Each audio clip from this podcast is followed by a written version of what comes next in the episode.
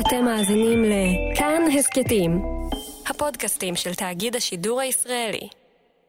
ביום שלישי לפני שבועיים, ב-17 במרץ, הייתי בבית שלי. התחלנו לעבוד מהבית יומיים קודם לכן, והייתי צריכה לכתוב פרק של חיות כיס, אבל נפל לי האינטרנט. ובזמן שהייתי על הקו עם המוקדן של חברת האינטרנט, הסתכלתי בטוויטר וראיתי שיש סגר. אלה היו עדיין רק המלצות של משרד הבריאות לא לצאת מהבית, אבל היה ברור שזה רק עניין של זמן. הסתכלתי על העמוד, PDF של תקנות שהופץ ברגע אחד בכל קבוצות הוואטסאפ, והרגשתי, סליחה על הקלישאה, אבל זו בדיוק ההרגשה, כאילו אוזל לי הדם מכל הגוף. גל כזה של חום ששוטף אותך מלמעלה למטה, ואחר כך תחושה מוזרה של קור ונוקשות בכל האיברים.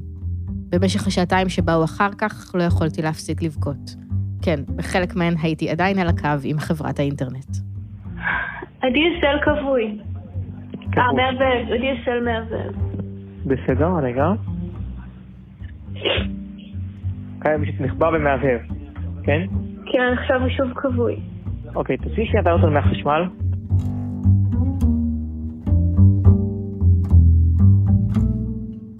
היי, אתם על חיות כיס, אני צליל אברהם. והיום נדבר על אספקט אחר של בריאות הציבור, על בריאות הנפש שלנו, ועל מה קורה לה בזמן הזה. ובזמן שמנסים להציל את מערכת הבריאות מקריסה, על מה יקרה לספיקה של מערכת בריאות הנפש. בימים האלה אני חייב לומר שאנחנו בטירוף. הגענו לאלפי פניות. זה דוד קורן, מנכ"ל ער"ן, מוקד עזרה ראשונה נפשית. שזה סדרי גודל של משהו כמו פי שלוש מימים רגילים, ואני יכול לומר שגם בהשוואה למבצעים צבאיים וכאלה, אנחנו נמצאים בעומסים יותר גדולים. לער"ן יש 1,450 מתנדבים, כרגע הם עובדים מהבית. דוד מסביר שבשגרה המתנדבים מסייעים לאנשים עם טווח רחב של בעיות.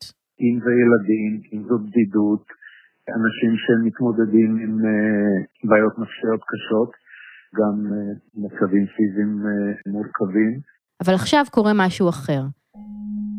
עכשיו הם רואים מולם גל גדול וכהה של חרדה.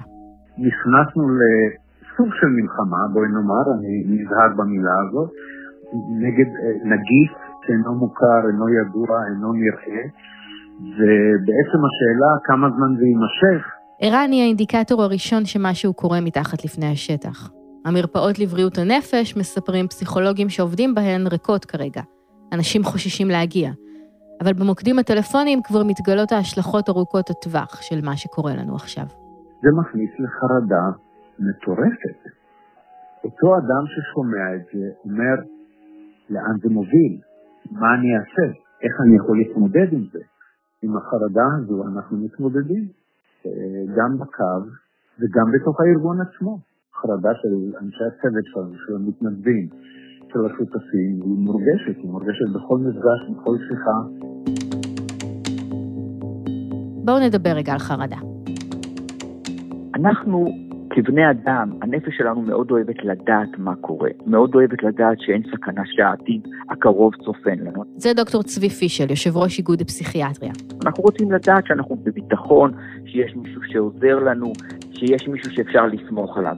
כשאנחנו לא נמצאים בתחושה הזאת, אז אנחנו בעצם בחרדה שבעצם הגרוע מכל יכול לקרות כל הזמן.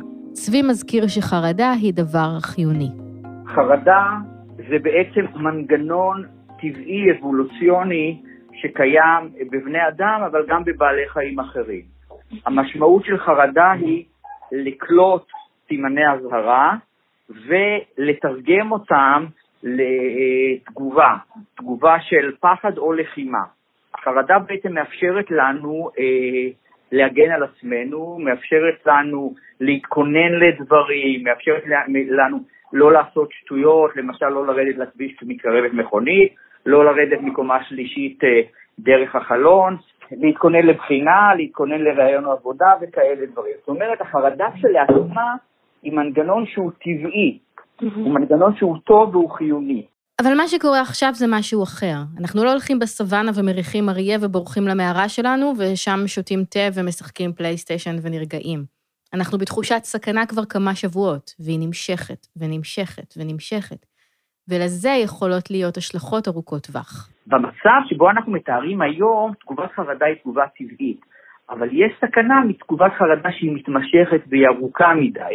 מבחינת הציבור בכללותו, את רואה כאן איזשהי סוג של טראומה מתמשכת. טראומה מתמשכת בשהות במצב של חרדה שהולכת וגדלה, מה שאנחנו קוראים קומפלקס PTSD או דברים כאלה, זה טראומה שהיא פחות איום חד פעמי על החיים, אלא איום כל הזמן שמא משהו רע יקרה. צבי פישל מסביר שבמצב הזה של אי-ודאות וחרדה שנמשכות ונמשכות, אנשים שונים מפתחים אסטרטגיות שונות כדי להתמודד עם המצב. מצד אחד אנחנו יכולים פשוט להתכחש אליה ולהגיד, לא אכפת לי שום דבר, אני לא מאמין לאף אחד, ואני עושה מה שבראש שלי ואני חי את חיי כרגיל. וזה אומר אנשים שהולכים לפארקים למשל, זה אומר אנשים שממשיכים בכל מיני אירועי אה, דת ואירועי אה, חברה שאסור אה, ושההנחיות הן לא, לא להמשיך בהם, זה מצד אחד. מצד שני, יש אנשים שמגיבים לחרדה בעוצמה רבה. שהחרדה כבר מציפה אותם, ואז הם בעצם במתח מאוד גדול, הם כבר לא מסוגלים לתפקד, הם כל הזמן צמודים לטלוויזיה, הם כל הזמן מסתכלים ומקבלים עוד ועוד מידע, אבל זה לא מקדם אותם לשום דבר. בסופו של דבר, רוב האנשים יצליחו להתמודד עם החרדה בעצמם ולהתגבר עליה, אבל לא כולם. וחרדה יכולה להביא להמון דברים, חלק ממחלות גופניות שאינן פסיכיאטריות, שיכולות להתבטא בגלל עודף של חרדה, למשל יתר לחץ דם, מחלות לב, כל מיני מחלות שאנחנו בעבר קראנו להן פסיכוסומטיות, שיכולות להתפרץ בגלל אה, אה, מצבים של חרדה, דרך הפרעות פסיכיאטריות שיכולות להתפרץ בגלל חרדה, כל מחלה פסיכיאטרית בעצם יכולה להתפרץ בגלל חרדה, וכלה במחלות ספציפיות שהחרדה כרגע אה, גורמת לביטוי שלהם, שזה מתח, עצבנות, אה, אי שקט, דובר לאחרונה על אלימות במשפחה ודברים כאלה.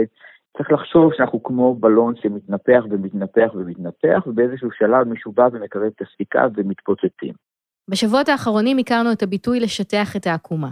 ואחר כך למדנו שיש עוד עקומה, שככל שאנחנו משטחים את העקומה של המגפה, ככה אנחנו חופרים בור עמוק יותר מבחינה כלכלית. עכשיו אני רוצה להוסיף עוד עקומה, או עוד פרמטר. החרדה שאני הרגשתי באותו אחר צהריים לא הייתה חרדה לחלות.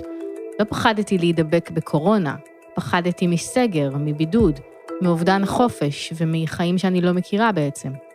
כמה ימים לפני כן, כשכל ההרצאות שלי בוטלו, היה לי גם ערב של חרדה כלכלית. פחד מהמגפה עצמה הגיע מאוחר יותר וברמות חרדה נמוכות יותר. וזה ככל הנראה המצב אצל רובנו. תראי, החרדה הכלכלית היא מאוד מאוד משמעותית.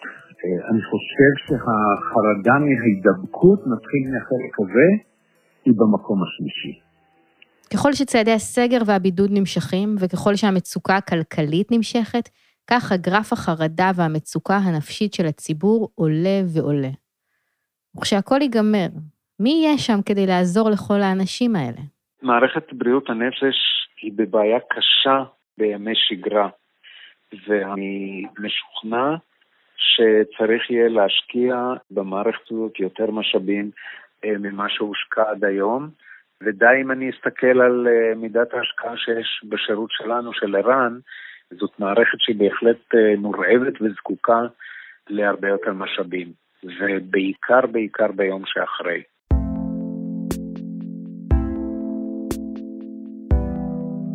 על פניו, מערכת בריאות הנפש היא חלק בלתי נפרד ממערכת הבריאות. כל אחד ואחד מאיתנו, במסגרת היותו מבוטח בקופת חולים, זכאי לקבל טיפול נפשי במקרה של מצוקה. הוא יכול לגשת לרופא המשפחה, לומר שהוא סובל מחרדה או מכל מצוקה נפשית אחרת, ולקבל הפניה למרפאת בריאות הנפש. שם הוא יקבל טיפול פסיכולוגי או פסיכיאטרי, מה שיחליטו שהוא צריך. אבל המציאות היא שאותם אנשים שיגשו ויבקשו טיפול כזה עלולים להמתין הרבה מאוד זמן. המתנה לפסיכותרפיה בקופות החולים, על פי נתוני הסתדרות הפסיכולוגים, עומדת על 200 ימים בממוצע, וזה המצב לפני משבר הקורונה, בשגרה. המדינה מעבירה לקופות החולים כ-700 מיליון שקלים בשנה עבור טיפול בבריאות הנפש במרפאות. אבל לפי הערכת העמותה לפסיכולוגיה ציבורית, רוב התקציב הזה, בין 50 ל-70 אחוז ממנו, בכלל לא מושקע בבריאות הנפש. הוא נבלע בתקציב השוטף של קופות החולים ומשמש לדברים אחרים.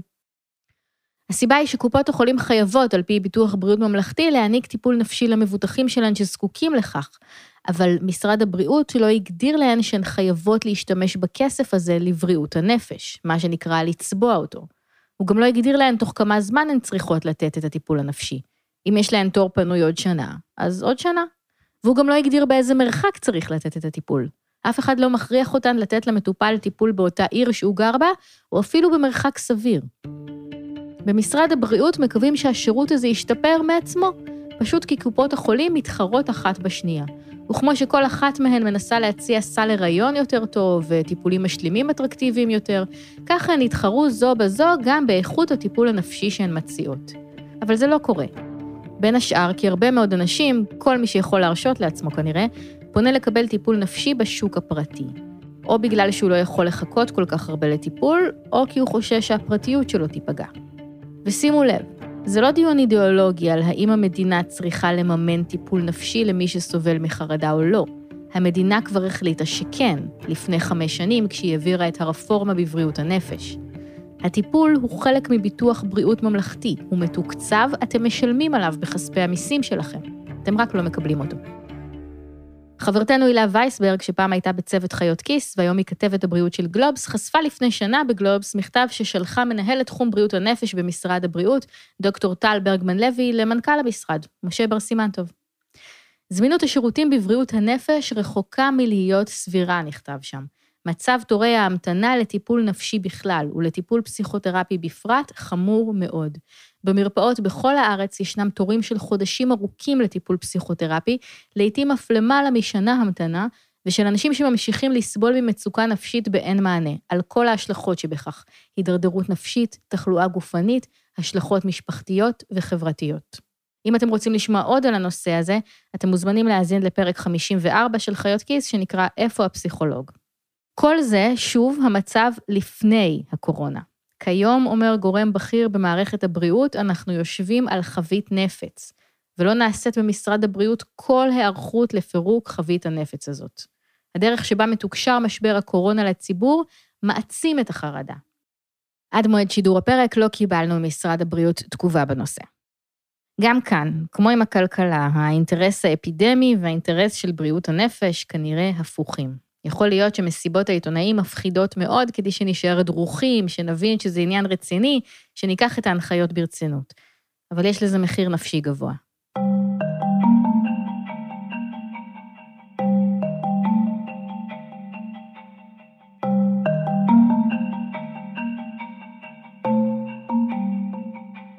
עדיין לא מאוחר.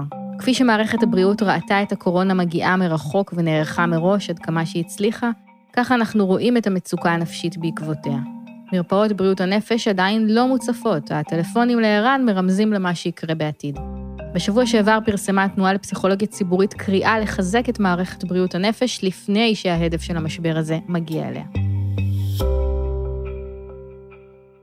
ועכשיו בואו נתמקד בדברים שהם בשליטה שלנו.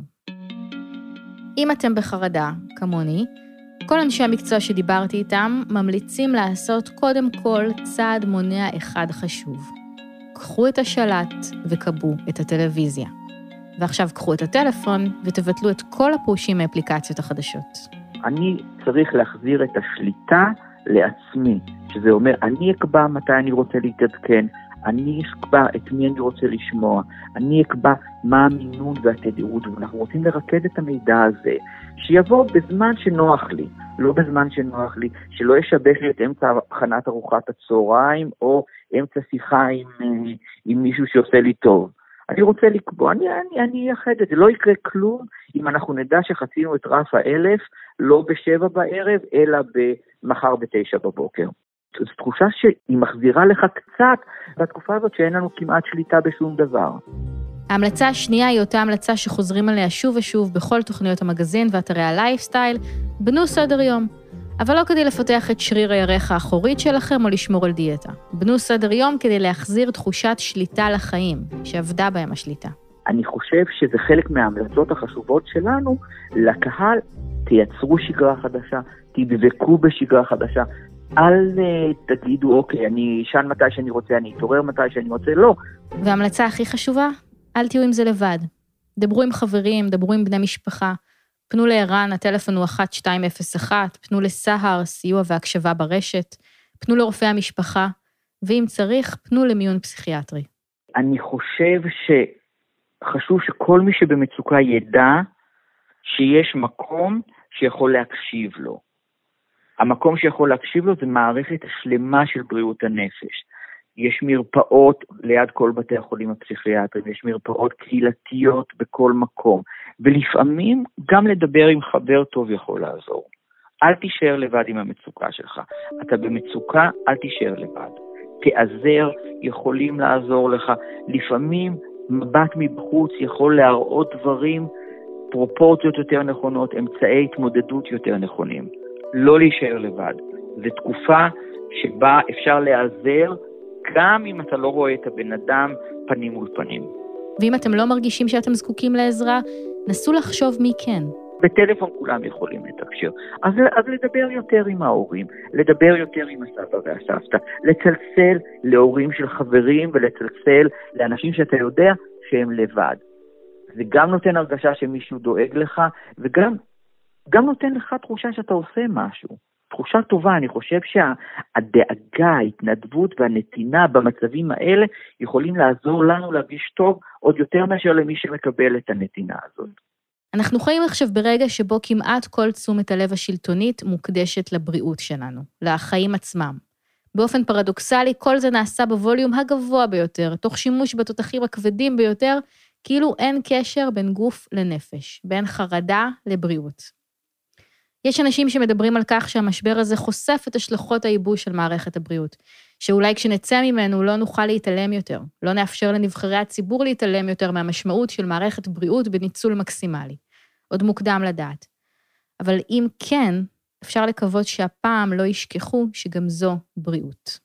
האמת שצריך לומר, החוסן שלנו כחברה הוא הרבה יותר חזק ממה שנראה לנו, או לפחות ברגעים ובימים הלא פשוטים האלה. אני מאוד מאמין בחוזק שלנו לצאת ממצבים כאלה, ואני חייב לומר שגם מידת הסולידריות שיש היום, שאני מרגיש אותה לא רק בקרב uh, המתנדבים שלנו, ששם זה מעל ומעבר, אלא בכלל, uh, ואני מאוד אופטימי בחלק הזה, אני מאוד אופטימי. אנחנו נצא מזה ואנחנו נצא מזה מחוזקים בגדול.